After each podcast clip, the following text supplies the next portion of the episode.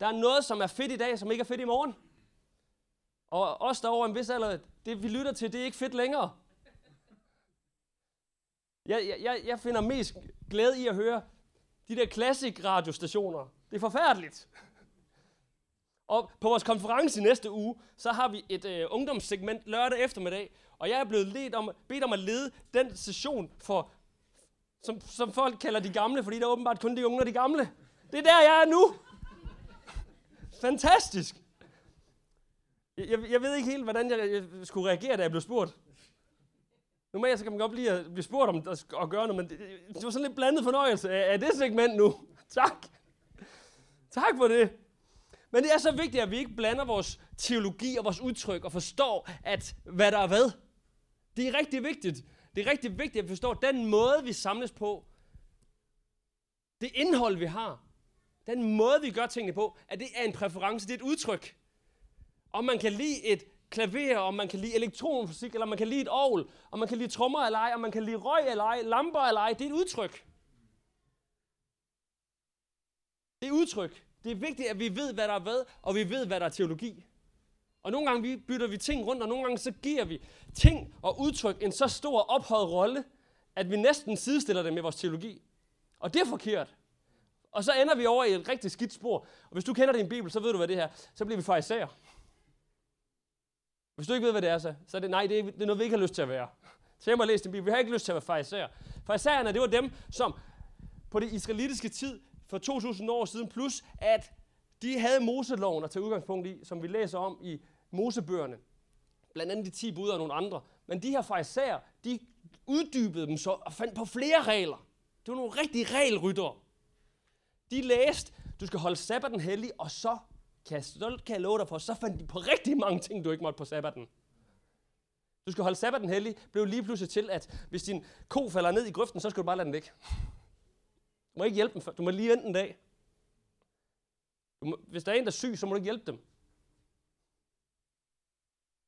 De havde en masse regler, de lagde ovenpå, en masse byrder, de lagde ovenpå. Og nogle gange så blander vi udtryk og teologi og præferencer og alt muligt. Nogle gange kan vi godt lide nogle gamle sange, nogle kan lide nogle nye sange. Det er bare sange.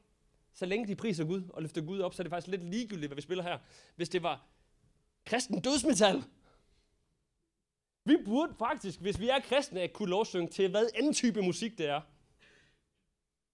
Kan I forestille jer det? Jeg har bedt ham om at sætte en sang på nu. Og så skal vi... Ej. Men kunne vi det? For hvis vi ikke kan, så har vi et problem. Og hvis vi ikke kan synge salmer, har vi også et problem. Åh, oh, jeg, jeg, jeg, jeg, bliver, jeg er ked af det. Jeg bliver rigtig træls i dag. Det jeg, jeg bliver rigtig træls. Er det okay? Ja, hmm. jeg har mikrofonen. Den eneste, der kan stoppe mig, det er ham, der sidder dernede og kan slukke mikrofonen. Ellers så må jeg råbe højt. Men jeg er så træt af traditioner, som ikke er hjælpsomme over for deres formål. Jeg har en tilgang til ting om, at traditioner er fine, hvis de tjener dets formål. At vi ikke bare gør det for at gøre det, men at det rent faktisk har en, en mening med det.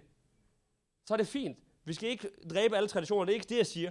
Det er ikke, det er ikke de ting, jeg går ud og siger, at du skal gå ind, og så, hvis du har en tradition, så skal du dræbe den. Nej. Men det er vigtigt, at vi ved, hvorfor vi gør, hvad vi gør, og at det tjener det formål, som det har.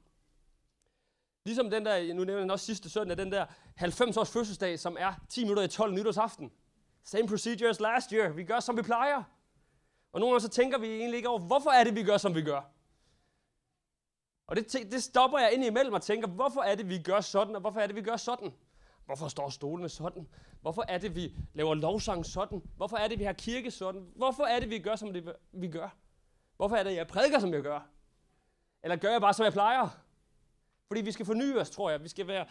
Nogle ting skal være i tråd med tidsånden. Nogle ting skal være relevante. Men vores teologi, den er, som den plejer. Den står skåret i sten. I stentavler faktisk blev den skåret i, i sin tid af Gud selv. Traditionerne har til formål at tjene troen. Guds budskab om noget om tilgivelse, om venskab i stedet for fjendskab, om kærlighed, om evigt liv, det er for vigtigt til at gøre kedeligt. Det er derfor, vi har brug for at leve liv, som er dynamiske i bevægelse. Det er derfor, vi har brug for gudstjenester, som udvikler sig. Det er derfor, vi har brug for at være kirke på en ny måde hele tiden. Ikke på samme måde, som vi var for 10 år siden. Ikke, fordi vi har lige været igennem pandemi. Vi kunne ikke være kirke, som vi har gjort det før. så var vi nødt til at finde ud af en anden måde. Så må man ringe rundt. Så må vi have gudstjenester på nettet. Fordi vi kan ikke bare gøre, som vi plejer. Fordi vores mission er for vigtig til at bare gøre det, vi plejer. Fordi det handler om menneskers frelse. Det handler om mennesker, de skal møde Jesus. I åbenbaringsbog, så står der også, hvor Gud siger sådan her, se, jeg gør alting nyt. Gud, han gør noget nyt. Og hvis vi gør, som vi plejer, så går du glip af det nye, som han har for dig. Så går du glip af det i morgen. Jeg ved ikke med dig, men jeg har ikke lyst til at leve i i går. Det kan godt være, at i går var god. Men i går er sket, og det er slut. Jeg har ikke lyst til at leve fortiden, men jeg har lyst til at leve de ting, som Gud har for mig. Gud han bevæger sig ikke på samme måde, som da du var barn. Da jeg var barn, så var det, at det der skete, den Gud, måde Gud bevægede sig på rigtig tit, det var, at man blev bedt for, og så faldt folk bare på jorden. Hele tiden. Hele tiden. Folk, de, og folk de blev bedt for, og de begyndte at have fuldstændig latterkramper. Det var vildt mærkeligt. Men det var sådan, det, det var dengang. Der bevægede Gud sig. Han, han, han satte et eller andet fri i folk, for at de bare kunne stå og grine i et kvarter. Det var sygt mærkeligt. Men Gud han gjorde et eller andet. Og det skal vi jo ikke, og det skal vi ikke stoppe. Vi skal gøre det, Gud gør, og koble os på det. Men han gør det ikke på samme måde i dag, fordi Gud, han gør noget nyt. Han, og jeg tror i dag, så er der en pris, der er, en, der er en anden måde, som vi ser en ny bevægelse, hvor Gud han sætter noget fri, hvor at vi oplever, at mennesker, mens de lovsynger, mens de hopper, og mens de danser under lovsang, altså bliver de helbredt. Der er ikke nogen, der lægger hånd på eller noget som helst. Men der sker bare noget, når vi kobler os sammen med Gud og kobler os på det, Gud gør. Fordi Gud bevæger sig. Gud, han gør alting nyt. Jesus, han var Messias. Det, det kan vi hurtigt blive enige om. Han var egentlig svaret på deres bønder. Det israelitiske folk havde bedt om, at Messias må komme og sætte dem fri. Men han var ikke det svar, de forventede. Han var ikke det svar, de havde lyst til. De havde lyst til, at der skulle komme en prins på en hvid hest, ridende ind og smadre alle de der trælse romere og smide dem ud. Det gjorde Jesus ikke. Han blev korsfæstet af dem. Han var ikke det svar, de havde forventet. Han var ikke det svar, de havde lyst til. Men hvis vi er så optaget af traditioner, og optaget af, at Gud skal gøre noget på en bestemt måde, så går du rent faktisk glip af det, han gør. Og det gjorde de. De ville rent faktisk gerne have ham korsfæstet. Vi har brug for at bryde med religiøsitet og tradition på samme måde, som Jesus gjorde. Og hans liv, det var jo det liv, som rent faktisk udlevede og udfoldede lovens hjerte og lovens formål. For Jesus sagde jo ikke, at loven var forkert. Han sagde bare, at den var ikke nok. Så han satte faktisk en højere standard. I stedet for, at man skulle gøre en bestemt ting, så skulle vi give vores liv. Jeg ved ikke, om du synes, at gøre noget eller give dit liv er størst. Vi giver vores liv. Men de overså ham. De så ikke, hvem Jesus var, og de gik glip af ham. Og Jesus blev med at sige den her famøse sætning, lad dem, der har ører, høre. Og nogle af os har ikke ører. Nogle af os har ikke de der åndelige, fintune ører, som rent faktisk hører, hvad det er, Gud siger, hvad det egentlig er, Gud gør. Nogle af os, vi gør, som vi plejer. Vi gør, som vi blev lært i søndagsskolen engang. Vi forventer, at vi skal gå ind i en gudstjeneste, og så skal der være syv sange. Tre hurtige, fire langsomme. Vi skal alle sammen stå sådan her. Lave trakten. Og så skal vi kalde til forbøn, lægger hænden på panden, og så skal de falde. Vi har nogle forventninger, men så går vi glip af det, Gud vil gøre i dag. Hvis vi måler i dag succes på i gårs kriterier. Lad dem, der har ører, høre. Vores teologi er konservativ, men vores udtryk, det er det, der virker. Det lyder kynisk, men så skal du høre, hvad Paulus siger. Paulus han siger, at jeg bliver alt for alle. Det lyder da godt nok falsk. Gør det ikke det? Jeg bliver alt... Når jeg er sammen med grækerne, så opfører jeg mig som dem. Når jeg er sammen med jøderne, så opfører jeg mig som dem. Lyder det ikke hammerne falsk? Vi vil gerne have autentiske mennesker, er det ikke det, vi siger tit? Mennesker, som er reelle. Men hvis, hvis Paulus var noget, så var han taktisk og strategisk i enhver givende relation. For der var et formål, som var større end bare det der øjeblik. Han ville pege dem hen mod Jesus, og han blev, hvad han skulle, for at de kunne peges derhen. Teologi må ikke influeres, påvirkes, forurenes af samfundet, kulturen eller vores popkultur. Fordi Gud vil ikke være populær, men han vil gerne have, at vi gør det, der er ret. Han vil se menneskers bedste. Og når Gud har alle de her fra Gamle Testamentets tid, lov og regler, alle de her ting, han siger til os, som vi bør gøre. Han siger ikke, vi skal, Alt er tilladt, men ikke alt er gavnligt, står der i det nye testamente. Gud skal vi ikke se på som en eller hård dommer, som sidder deroppe med langt godt skæg, med en hammer klar til at dunke os i hovedet med, med hans ord, med hans bibel. Men vi skal se Gud som en kærlig far, som egentlig ønsker det bedste for os. Og som ham, som har skabt os. Hvem må ved bedst? Ham eller mig? Skaberen eller skaberværket? De er der forældre. Nogle gange så ved vi, hvad der er bedst for vores børn. Ret tit faktisk. Især hvis de er under 20. De tænker, slik er den fedeste aftensmad. Er ikke rigtigt? Og der er måske nogen også, der også tænker det stadig. og derfor er det godt, jeg er gift, fordi så kan hun holde mig på sporet. Jeg skal også opdrages nogle gange. Men det er sådan, Gud er. Han ønsker det bedste for os. Han ønsker, at du skal lykkes, at du skal trives. Og derfor siger han, ved du hvad? Det er faktisk bedst, hvis du går den her vej. Det er faktisk bedst, det der for dig. Det er faktisk bedst, hvis du ikke drikker dig hegn hver weekend. Det er faktisk bedst for dig. Alt er tilladt, men ikke alt er gavnligt.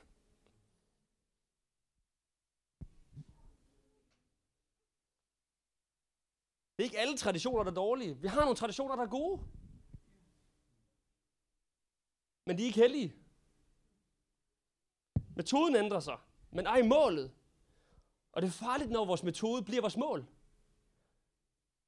Abraham, han var villig til det ultimative. Han blev bedt om i en gammel alder at skulle ofre sin søn, som han har fået, som faktisk var hans indfriede løfte fra Gud, fordi Gud var, havde lovet ham, at han skulle blive stamfar til et stort, stort folk.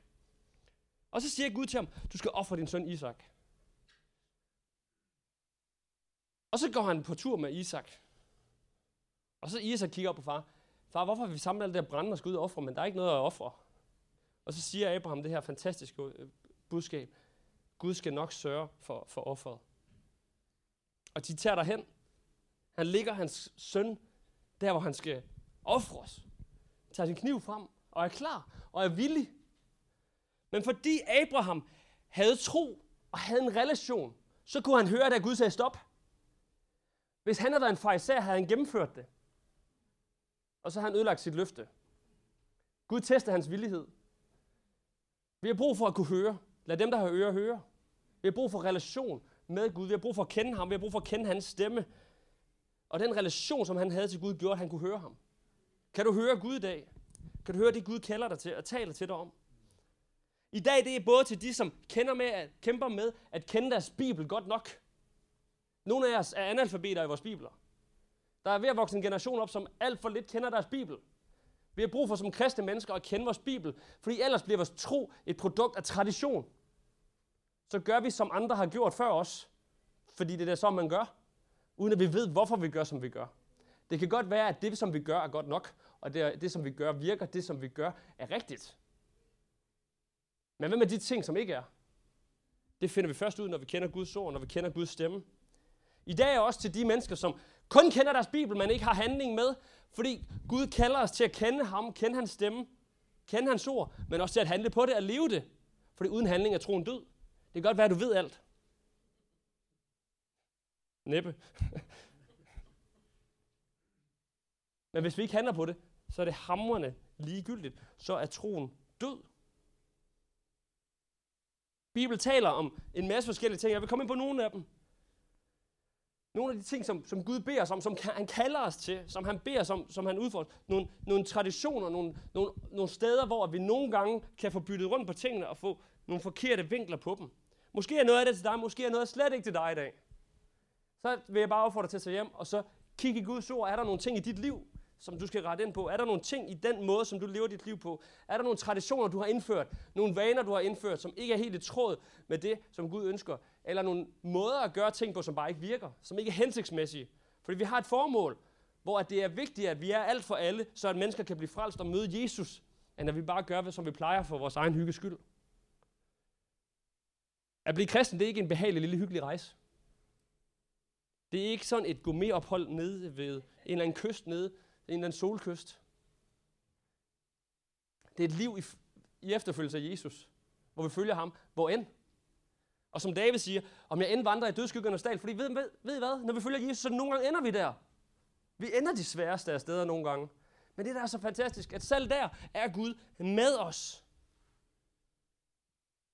Og når jeg taler om de her ting, så siger jeg ikke, at du skal gøre det, fordi jeg siger, at du skal gøre det. Fordi hvis du begynder at gøre det, fordi jeg siger, du skal gøre det, så gør det modsat af det, som budskabet er i dag, fordi så bliver det en religion. De ting, som vi kommer ind på, gør dem, fordi du elsker Jesus. Gør dem, fordi du ønsker at nærme dig ham. Gør det, hvis du ønsker at komme nærmere det kald, som han har for dit liv. En tradition er, at vi samles som kirke om søndagen. Det er en god gammel tradition. Men ved I hvad? Vi behøver ikke at have kirke om søndagen. Vi behøver ikke at kirke om lørdagen eller i weekenden. Det behøver ikke at være det hellige tidspunkt om morgenen kl. 10, som det var, da jeg voksede op. Det, er noget af det første, jeg gjorde. Det var, at jeg ændrede det til 10.30, fordi at der var rigtig mange, de ville egentlig gerne senere i kirke. Og have lidt lille smule weekend der om morgenen, søndag. Og ved I hvad, der er nogen, der faktisk har et problem med det der, når vi ændrer et tidspunkt af en gudstjeneste. Uh, i præference. Det, der er vigtigt, det er, at vi samles, ikke hvornår vi samles, eller hvor vi samles. Vi er kaldet til at samles. Og jeg elsker i det nye testamente, jeg påstår gerne, så læser vi om, at øh, første menighed gjorde alt sammen. De gjorde alt sammen. Nogen solgte alt, hvad de havde og gav det til, til andre. De gjorde alt sammen. De mødtes i tide og utide. De mødtes natten over. Og nogle gange mødtes de også til kedelige gudstjenester. På et tidspunkt var Paulus så kedelig. Vi læser om Paulus og tænker, at han var der mega sej og alt muligt. Ikke? Men han skriver faktisk på nogle tidspunkter om sig selv, at han ikke er så god til at kommunikere. Han er ikke så god til at prædike. Og det tror jeg faktisk også lidt på. For på et tidspunkt var han så dårlig til at prædike, at der sad en i et vindue og faldt i søvn og faldt ud af vinduet. At de var nødt til at gå ned og genopleve ham. Tak Gud, at jeg ikke har stået i den situation endnu. Det, det, jamen, det er derfor, vi har gardiner for, så I ikke falder ud. Nej. Men det vigtige er, at vi samles. Samling er vigtig. Grunden til, at vi samles søndag, det er, fordi der er en gammel tradition for, at kirkerne mødes om søndagen. Og det er faktisk bare nemt at koble sig på den tradition. Det er belejligt, fordi at når man snakker om kirke med mennesker, så tænker de da, søndag. Og hvis vi gjorde det om mandag, så skulle man til at forklare, hvorfor det var mandag. Det er da bare bøvl. Og folk har fri om søndag alligevel. Så det er en tradition, der giver mening. Så længe det giver mening. På et tidspunkt kan det godt være, at man, man har så mange mennesker, at vi skal have flere gudstjenester. Så er det fint. Så kan det være en aftengudstjeneste, måske for et andet segment. Så er der måske nogen, der er oppe om aftenen, som ikke vil mødes om morgenen. Det er præference, men det vigtige er, at vi samles. Nadveren er vigtig. Jesus siger, husk mig. Der står ikke, at vi skal have nadver hver søndag. Så vi har det i vores rytme, fordi det er vigtigt. Der står heller ikke, at vi behøver at gøre det, når vi er sammen. Jeg har også sagt til dem, der har vores kipgrupper, hvis I har lyst til jeres kipgruppe, når I samles i vores små grupper,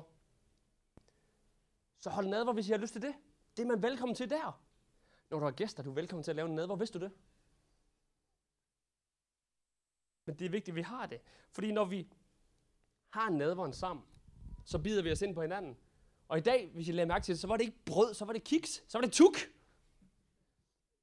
Det var der ikke nogen, der sagde noget. Hvad hvis det havde været cola? Var der monstro nogen, der havde sagt noget til det? Hvad hvis det havde været et lille stykke slik og en cola? For det handler ikke om det, vi spiser. Det handler om princippet. Det handler om den øvelse, vi gør herinde. Og hvis du har et problem med at drikke cola til din nadver, så er det en tradition. Så er det religion. Jeg sagde, jeg ville være træls i dag. Sorry. Not sorry. At løfte hænder, vi tror på, at det er rigtigt, at vi løfter hænder, når vi lovsynger Gud, når vi priser ham. Jeg siger ikke, at du skal løfte din hænder, men jeg siger, at det er godt, at du løfter den hænder. Fordi ved du hvad? Det står i Guds ord. Der står, at vi skal løfte vores hænder og prise ham. Der står, at nogle gange skal vi bryde ud i jubel. Kan I prøve lige at bryde jubel? Kan vi finde ud af det? Kan I klappe? Der står, at når vi lovsynger Gud, så skal vi gå ind i hans tempel med lovprisning og sang. Det er derfor, vi altid, hvis I lægger mærke til, starter med en hurtig sang med i gang i, fordi det er faktisk et bibelprincip. At vi går ind og priser ham og løfter ham op og glædes. Jeg bliver næsten lidt begejstret. Må jeg gerne blive begejstret for Jesus? At løfte hænder er ikke en spørgsmål på fange, fordi det er egentlig bibelsk. Det er noget, vi læser om er rigtigt. Vi læser om tungetale, at det er godt. Der står, at tungetale, det er rigtigt, og det er godt at når man har en gave, så skal man bruge den, men der står også en kontekst, hvor den skal bruges. Der står, at Tungetal skal jeg ikke bruge offentligt, hvis den ikke oversættes. Jeg voksede op i, i kirker, hvor der var det meget populært dengang at bede rigtig meget tunger. I tid og utid. Det var næsten det bedste. Jo mindre folk fattede, jo bedre. Og så er vi faktisk tilbage ved den gamle kirke, helt tilbage, hvor man snakkede latin, og folk bare sad og nikkede og ikke fattede hat. Tungetal er godt, men det har dets tid og dets sted og dets placering. Hvis jeg oplever, at Gud i en situation kalder mig til, at, at jeg har brug for min ånd at bede tunger, når jeg beder højt her, så vil jeg gøre det. Men jeg gør det ikke bare for at gøre det. Og jeg gør det selv, fordi jeg tror, det er vigtigt. Det bygger min ånd op at bede tunger. Især når jeg ikke ved, hvad jeg skal bede. Hvis jeg beder for et menneske, og jeg ikke aner, hvad jeg skal sige, så beder jeg tunger. Og ved I hvad? Så løfter det min ånd op. At voksendøbe, det er en befaling af Jesus. Uha, nu, nu rammer jeg noget kulturelt her i Danmark. Vi har en kultur for barnedåb, som bestemt ikke er hjælpsom for Guds ord. Fordi barnedåb eksisterer ikke i Guds ord. Det er en dåb, som er på egen overbevisning og bekendelse på troen i Jesus Kristus. Man kan ikke blive døbt, og den tæller, før at man er blevet kristen, før man er blevet frelst. Og jeg ved ikke med mig, men min et, da mine børn var to måneder, så havde de ikke, de havde ikke syndet ret meget, tror jeg ikke. Det var ikke sådan, jeg tænkte på dem, hold da op, du ender i helvede. Nej, det er ikke det, jeg tænkte. Fordi lad de små komme til mig, siger Jesus. Gud har en særlig noget for dem. Men dåb er en befaling. Og ordet dåb betyder at nøddykke. Og det vil sige, at de der små sprøjt der, det er jo, det er jo, det er jo slet ikke dåb. Så følger vi Jesus, eller følger vi tradition. Måske er du ikke døbt i dag, måske er du barndøbt, og måske ønsker du at følge Jesus. Så vil jeg opfordre til, at næste gang vi har dåb, så kobler dig på. Fordi så er det på tide. Og måske er det for lang tid siden, tænker du, at du har været kristen, og så er det bare mærkeligt at blive det nu. Det er aldrig for sent. Det er aldrig for sent at gøre det, Gud gør. Der er altid en ny mulighed. Og det, jeg tænker, der er så vigtigt med dåb, det er, at når vi barnedøber vores børn, hvis man gør det, så kan vi måske sige, jamen Simon, du siger, det er lige meget, det betyder ikke noget, så er det jo så er det også lige meget. Jamen problemet er, at vi lærer vores børn noget, uden at sige, at det ikke tæller. Og siger til dem, du er døbt, men det tæller faktisk ikke. Vi lærer dem noget. Og det, der jeg tror, der er den forældres vigtigste job, det er, at vi vokser vores børn op til at blive kristne. Til at lære tro, til at lære Jesus at kende. Og der kræver det jo, Jesus han, han, han foreslår ikke, han befaler os i missionsbefaling, Skab disciple og døb dem. Det er ikke et spørgsmål. Det er ikke sådan, kunne du tænke dig at blive døbt?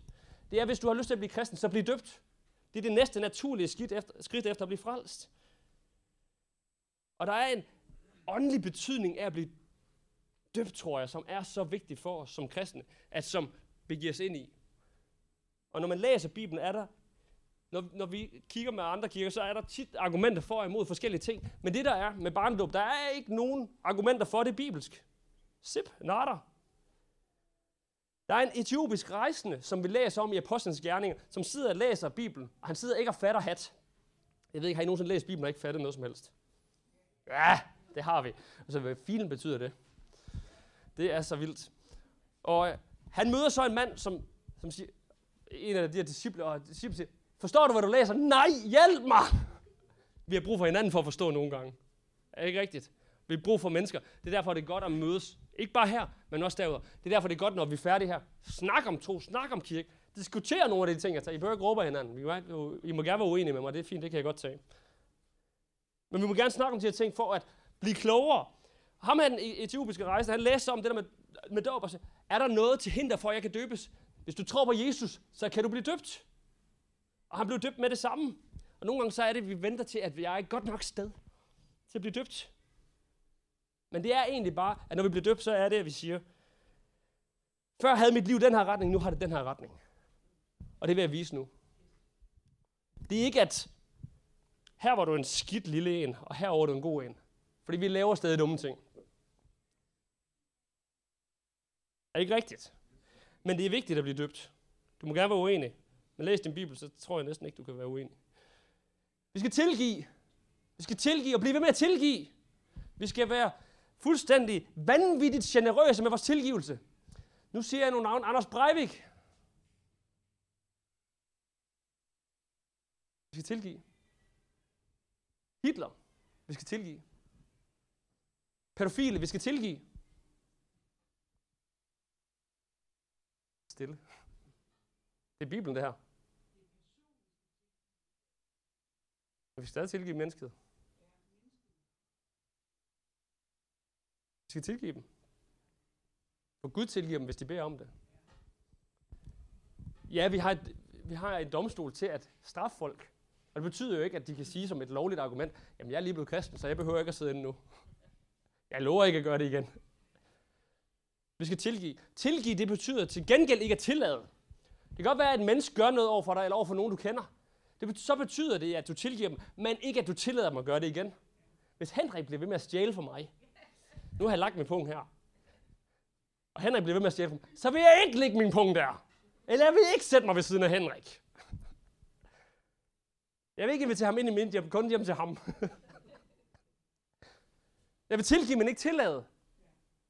Hvis nogen Gud forbyder det, gør noget over for mine børn. Nu har jeg sagt det. Jeg er nødt til at tilgive. Det er det, jeg tror, der er rigtigt. Er det nemt? Nej. Men jeg, tror, jeg er nødt til at tilgive. Det betyder ikke, at jeg har lyst til at hænge ud med dem bagefter, og det er okay ikke at hænge ud med dem bagefter. At tilgive, det er ikke at genoprette en relation, der lader som om det ikke er sket. Tilgive er at give slip på den modfølelse, man har over for dem og sige, jeg tilgiver det, jeg giver slip.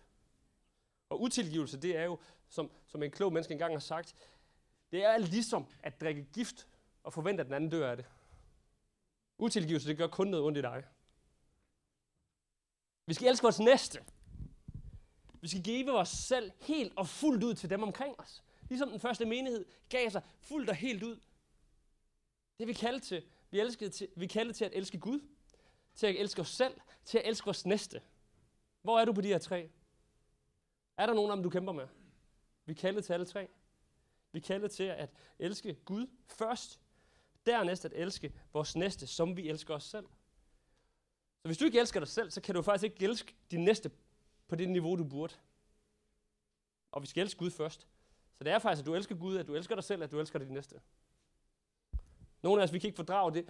Vi ser spejlet om morgenen og tænker, uha, du er en værre en. Du, siger, du er dum, du er grim, du er dårlig, du kan ikke noget. Du søger et job og forventer ikke at få det. Fordi det får du aldrig. Måske er der nogen, der har sagt nogle ting over dig, og du begynder at tro på det. Vi er nødt til at elske os selv. Tiende. At være økonomisk generøs det er faktisk noget, som Bibelen taler utrolig meget om. Det er faktisk den ting, som Jesus taler allermest om i sine lignelser. At være generøs, at give til Guds rige. At han taler om økonomi. At økonomi, det kan være noget, som kan holde os fra Guds rige. Han siger, at det sværeste for mennesker at komme i himlen, det er rige mennesker.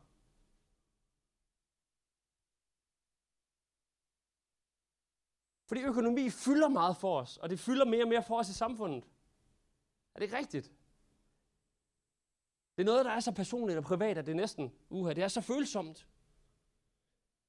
At snakke om penge med folk. Er der nogen, der kender det?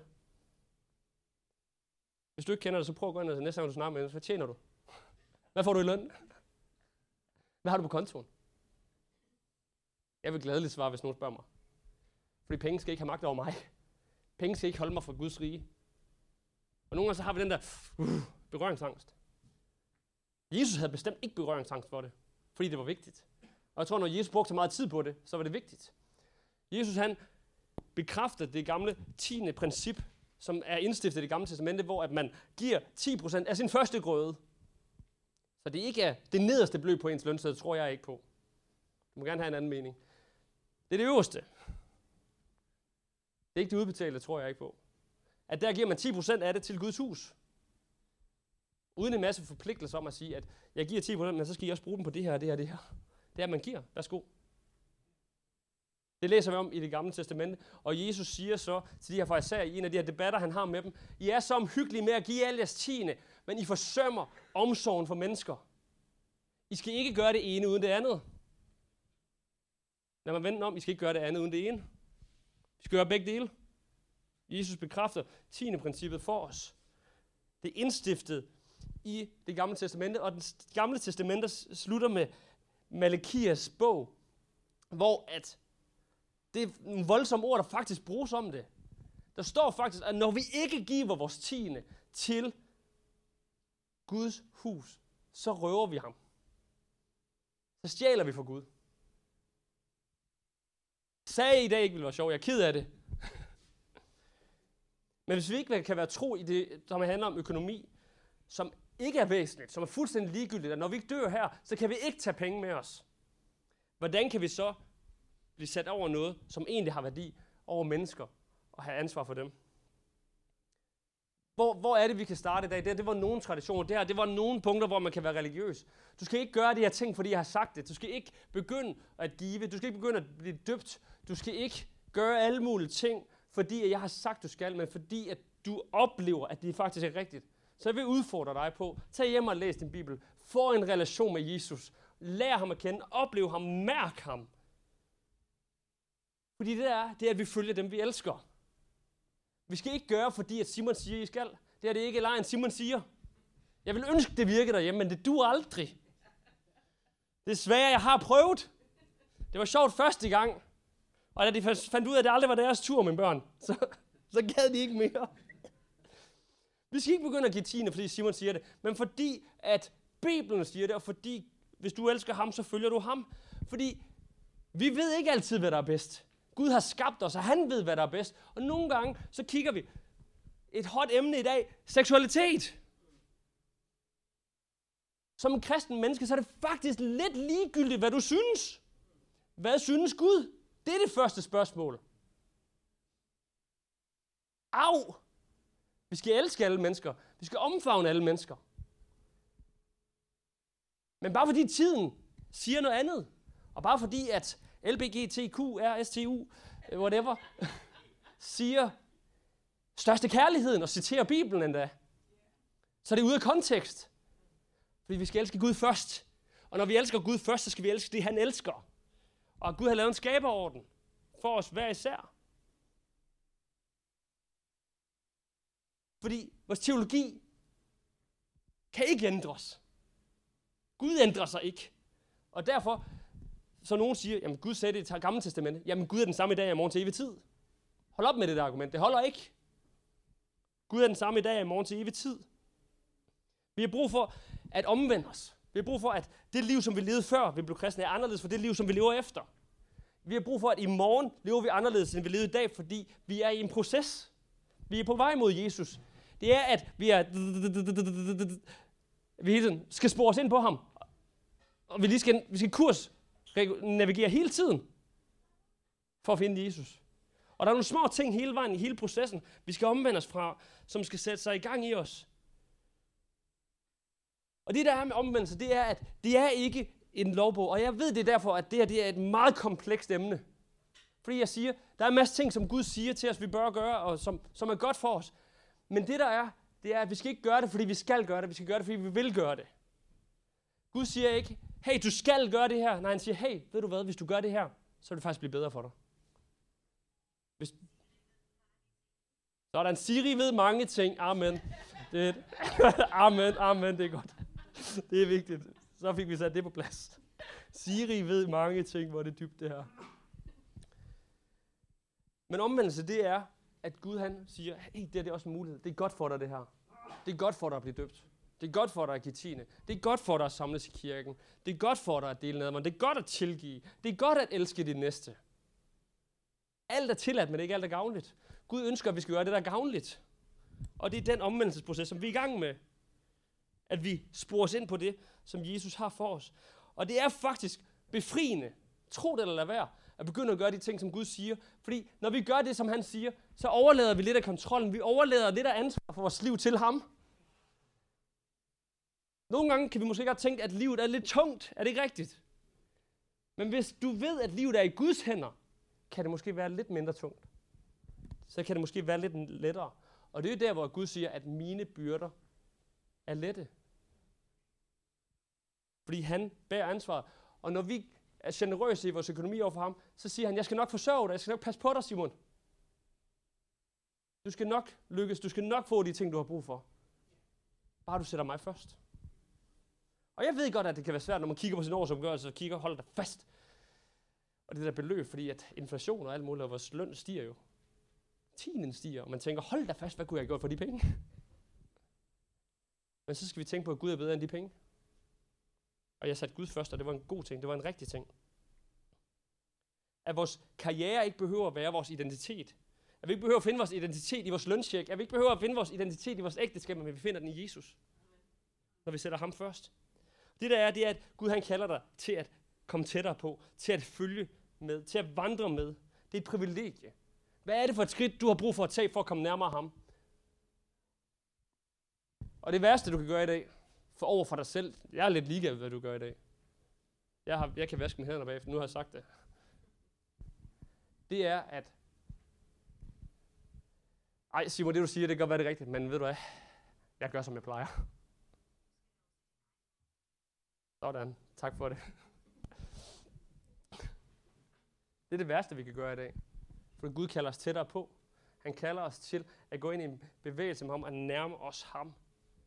Til at have en relation, til at have tro, frem for tradition og religion.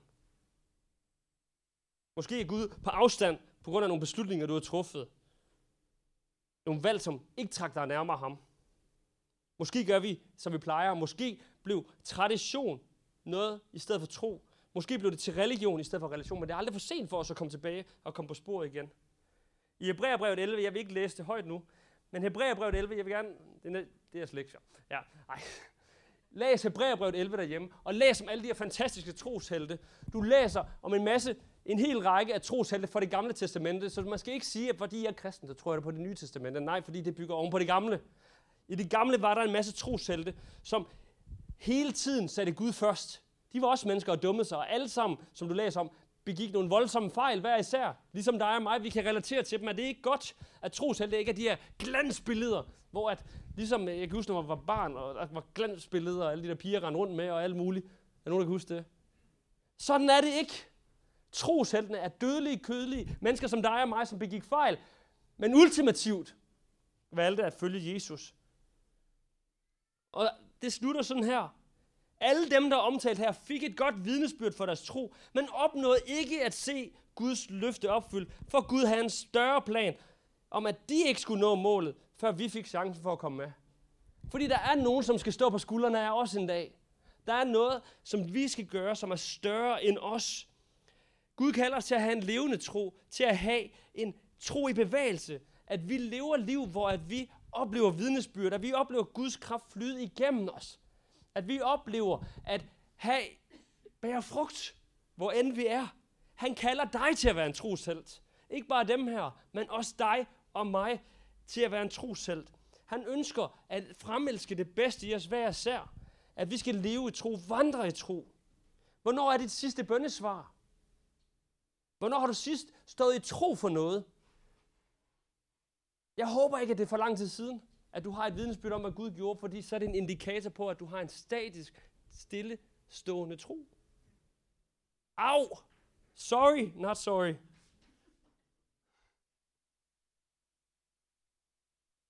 Om du gør de her ting, det er op til dig. Jeg er fuldstændig fløjtende ligeglad, fordi det er dit liv, dit valg, dine konsekvenser. Min opgave det er at viderebringe det. Og hvis du tænker, Simon, jamen, du er så træls og hård, ja, ved du hvad, det er jeg faktisk lidt ligeglad med, hvad du synes. Fordi der står faktisk i Guds ord, at dem, som underviser, dem, som leder, de bliver dømt dobbelt så hårdt. Så ja tak, den tager jeg på mig. Tik, du er den. Og jeg tror på, at det er tid til at vågne for Guds kirke. Jeg tror på, at der er en bevægelse. Måske er lullet i søvn af corona. Måske lullet i søvn af kulturen. Fordi Guds kirke har brug for at vågne, fordi det, der, det er ikke en luksusjart, det her. Det er en redningsbåd, som handler om, at de mennesker, som ikke kender Jesus nu, hvor ender de henne, tror du? Den eneste vej til himlen, det er ved tro på Jesus Kristus. Det er en redningsbåd, det her. Det handler om, at de venner, som du har, som ikke kender Jesus, at den familie, som du har, som ikke kender Jesus, at vi trækker dem nærmere ham. At vi inviterer dem ind. At vi inviterer dem med i kirke. At vi beder for dem. At vi taler tro. At når vi taler om kirke og tro, så taler vi ikke, hold fast for det, træls alle sammen. Ham der fra kirken er da bare en idiot. Hvad er det for et vidnesbyrd? Det er en redningsbåd, det her. Traditioner vil ikke redde nogen menneskers liv. Det vil måske få dig til at få det ret indeni. Men det vil ikke redde mennesker for helvede. Det er kun tro og en relation med Jesus. Og måske har du brug for at blive døbt. Måske har du brug for at begynde at give tiende, eller begynde at tage et skridt nærmere at give tiende. Måske har du brug for at tilgive nogen. Måske har du brug for at elske nogen. Måske har du brug for ikke at forsømme at forsamles som kristne. Måske er du månedens gæst her. Så bliv en del af familien. Måske har du brug for at løfte din hænder. Måske har du brug for nadver. Måske har du brug for så mange andre ting. Der står så mange ting i Guds ord, som er vigtigt for os, som er godt for os, som er gavnligt for os. Fordi tradition ser bagud, men tro ser fremad. Trosheltene, de var der for din og min skyld til inspiration. De viste en vej, uden selv at nå deres mål. Det lyder træls. Men traditioner, det handler om at blive, hvor andre stoppede. Men tro, der står vi på skuldrene af hinanden. Så længe mennesker ikke kender Jesus, så er vi ikke i mål. Så længe der er syge, som ikke er blevet helbredt. Så længe der er besatte, som ikke er blevet sat fri. Så længe der er mennesker, der bliver undertrykt. Så har vi en opgave. Fordi du og jeg er skabt til at være hovedet og ikke halen. Til at herske. Til at ultimativt vinde. Ikke vinde alle, alle de her små slag, men den ultimative kamp vinder, fordi Jesus han har vundet for os. Han har lovet os, at vi aldrig er alene. Om vi går de bedste steder eller de værste steder, så er livet med ham bedre end tusind andre anden sted, står der. En dag i dit hus er bedre end tusind andre steder. Om du står i dødskyggens dal, er det en bedre dag med ham, end en dag ved solkysten uden ham. Jesus han ønsker at leve livet med dig, at vandre livet sammen med dig. Han gav dig sig selv for dig, for mig. Og han spørger os, om vi er villige til at gøre det samme. Lever vi, som vi plejer? Er vores liv fyldt med religion og tradition, som, vi, som før vi kendte Jesus? Eller har han vidderligt forandret alt? Og er du villig til at give slip på de holdninger, du har, de forbehold, du har, og kaste dig ind i det, som han har for dig? Lever vi for ham, eller lever vi for os? Kan vi ikke rejse os her i dag? Jeg vil ikke bede dig om at give et gensvar nu, men jeg vil bede dig om i dag at tage hjem og tænke over det her. og tænke over de her ting. Og mærke efter, er der noget, som der er blevet tradition for dig? Er der nogle steder, du har brug for at gøre op med? Er der nogle beslutninger, du har brug for at træffe? Nu har jeg nævnt nogle få her. Om det er forsamlingen, om det er at løfte hænder, voksendøbe, om det er at tilgive, at elske, at give tiende, eller hvad end det måtte være. Der er så mange andre ting, det kunne være. Hvad er det for et område? Og jeg siger, hvad det er for et område, fordi der er et område. For ellers er du i mål, og det tvivler jeg på, at du er. Hvilket område har du brug for at nærme dig Jesus? Hvilken tradition i dit liv har du brug for at aflægge dig? Og hvad har du brug for at tilvælge i stedet? Har du en relation, eller har du religion? Tak Jesus, at vi i dag må vælge dig. At vi må vælge, at du tager bolig i vores hjerte. At vi må åbne vores hjerte fuldt ud for dig, far. At vi ikke bare må gøre, som vi plejer, som vores forældre gjorde, som vi fik at vide, da vi var børn, far, men at vi må gøre i dag, far, på en måde, som du ønsker, som du peger os hen på. Må din vilje ske i vores liv, far. Og jeg beder dig om, og jeg takker dig for, at når vi sætter dig først, så bliver vi aldrig, aldrig nogensinde sidst. Fordi du ønsker vidderligt det bedste for os. Du er ikke en hård dommer, men du er en kærlig far, som peger os høfligt og venligt i den rigtige retning, som opdrager os, og som elsker os, og som ønsker, at vi skal lykkes, at vi skal trives, at vi skal blomstre, far. Og jeg beder dig om, at vi må træffe en beslutning om at plantes i dit hus. At vi må følge dig, uanset om det er vores præference eller ej. At vi må dø fra vores præferencer i dag. At vi må vælge at sætte dig først, far. At vi må vide, hvad der er teologi, og hvad der er udtryk. At vi må holde vores teologi, men hele tiden finpudse, fintune vores udtryk. At vi som Paulus må blive alt for alle, fordi der er et mål, far. Og at mennesker må opleve dig. At mennesker må blive frelst. At mennesker må blive døbt. At mennesker må blive disciple. At de må følge dig, leve for dig, far. Og at de må trække deres verden ind til dit rige. Det takker vi dig for i Jesu Kristi navn, at du velsigner os hver især og sender os, far. At du må gøre alt nyt i os, far. At vi må se det, du ser. At vi ikke må være bundet af historie, kultur og tradition. Men at vi må være frie, far, til at sætte dig først i dag. Så vi takker dig, far, for det, som du gør, og bliver ved med at gøre i os og igennem os. Det takker vi dig for i Jesu Kristi navn. Amen. Amen. Amen. Om et øjeblik